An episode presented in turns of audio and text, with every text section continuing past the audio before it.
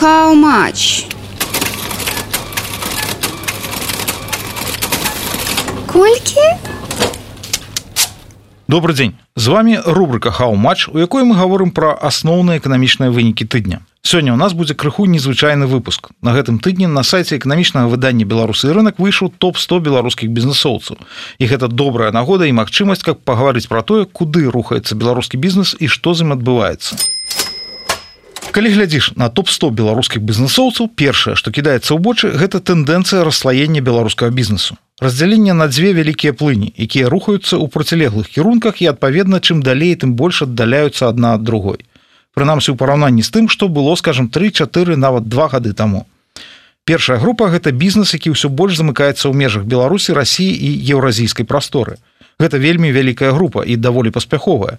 Збольшага гэтыя бізнесы арыентаваны на расійскі рынок уласна з гэтай арыентацыі злучаны іх поспех Таму што з увядзеннем заходніх санкцый на расійскім рынку з'явіліся вольныя нішы якія беларускі бізнес здолеў заняць. Як напрыклад гэта зрабіў вядомы бренд марк фармель сямейная кампанія якой кіруюць Святлана сепарова і яе муж Андрей серыкаў у рэйтынгу топ-100 беларускага бізнесу Святлана сепарова паднялася на 49 месца Цяпер яе кампаніі належаць 16 швейных фабрык, дзве тэкстыльныя вытворчасці і больш за 300 крамаў у Беларусі, рассіі, Казахстане, Узбекістане і Турцыі. З траўня 22 года пасярэдзіну цяперашняга продажы кампаніі на расійскім рынку выраслі ў грашовым выражэнні на 220соткаў. А ўсё таму, што кампанія актыўна запаўняла паліцы, якія апусцілі з сыходам заходніх брэндаў. І вядома, бізнесу даводзіцца рабіць выбар. Хаця насамрэч ніякага асаблівага варыянту выбару няма. Як у Івана лагавога уладальніка кампаніі фармленд, які перамясціўся з другой паловы спісу на 24 месца.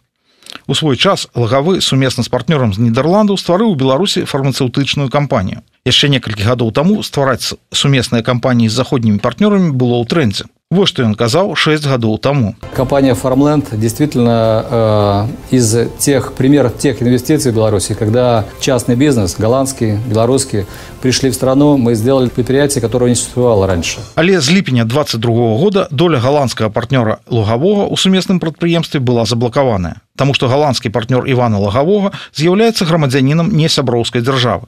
І ў 22 годзе новым партнёрам лагавога стратэгічным інвестарам у завод па вытворчасці лекаў з чалавечай плазмы, які размешчаны ў нясвіжы, стала расійская кампанія фармстандарт. Але нягледзячы на арыентацыю на расійскі рынок сепарова серыкаў лагавы цімашэнскі ўсё ж такі з'яўляюцца беларускімі бізнесменамі. Яны не толькі вядуць у беларусі бізнес, яны і жывуць у беларусі.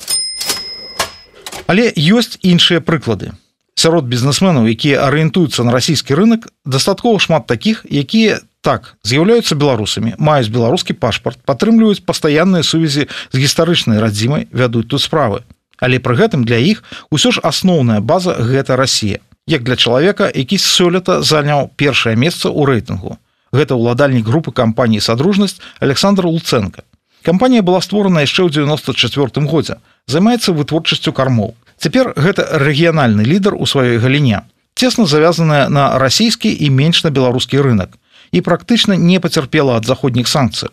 Дакладней нават наадварот заходнія санкцыі пашлі ёй на карысць таму што вызвалілі месца на расійскім рынку.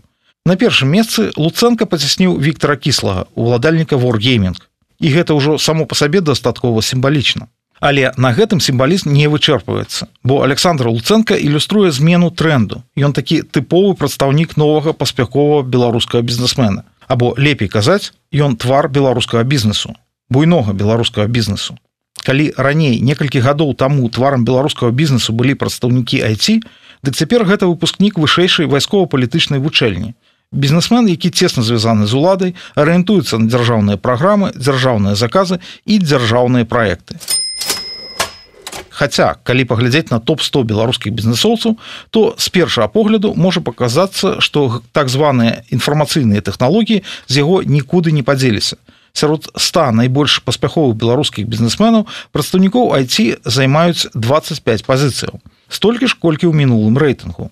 Але большая часть беларускіх IT-бізнесменаў уваходзіць у другую вялікую групу з тых, на якія падзяліўся беларускі бізнес калі першая група ўсё больш замыкаецца ў межах беларусі і рассіі дык другая гэта тыя хто абраў для сябе ўвесь астатні свет хто будуе глобальныя кампаніі.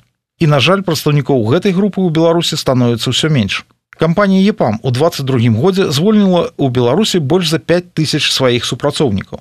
Тады ж перастала наймаць новых. Епам гэта адна з кампаній якія моцна пацярпелі праз падзеі ў беларусі і вайну ва ўкраіне сыход з расійскага рынку і скарачэнне штата ў беларусі каштавалі кампаніі 120 мільёнаў долараў толькі ў 22 годзе. Але нягледзячы на ўсе страты па выніках таго ж 22 года выручка кампаніі вырасла на 30соткаў да рэкордных 4 і 8 мільярдаў долараў.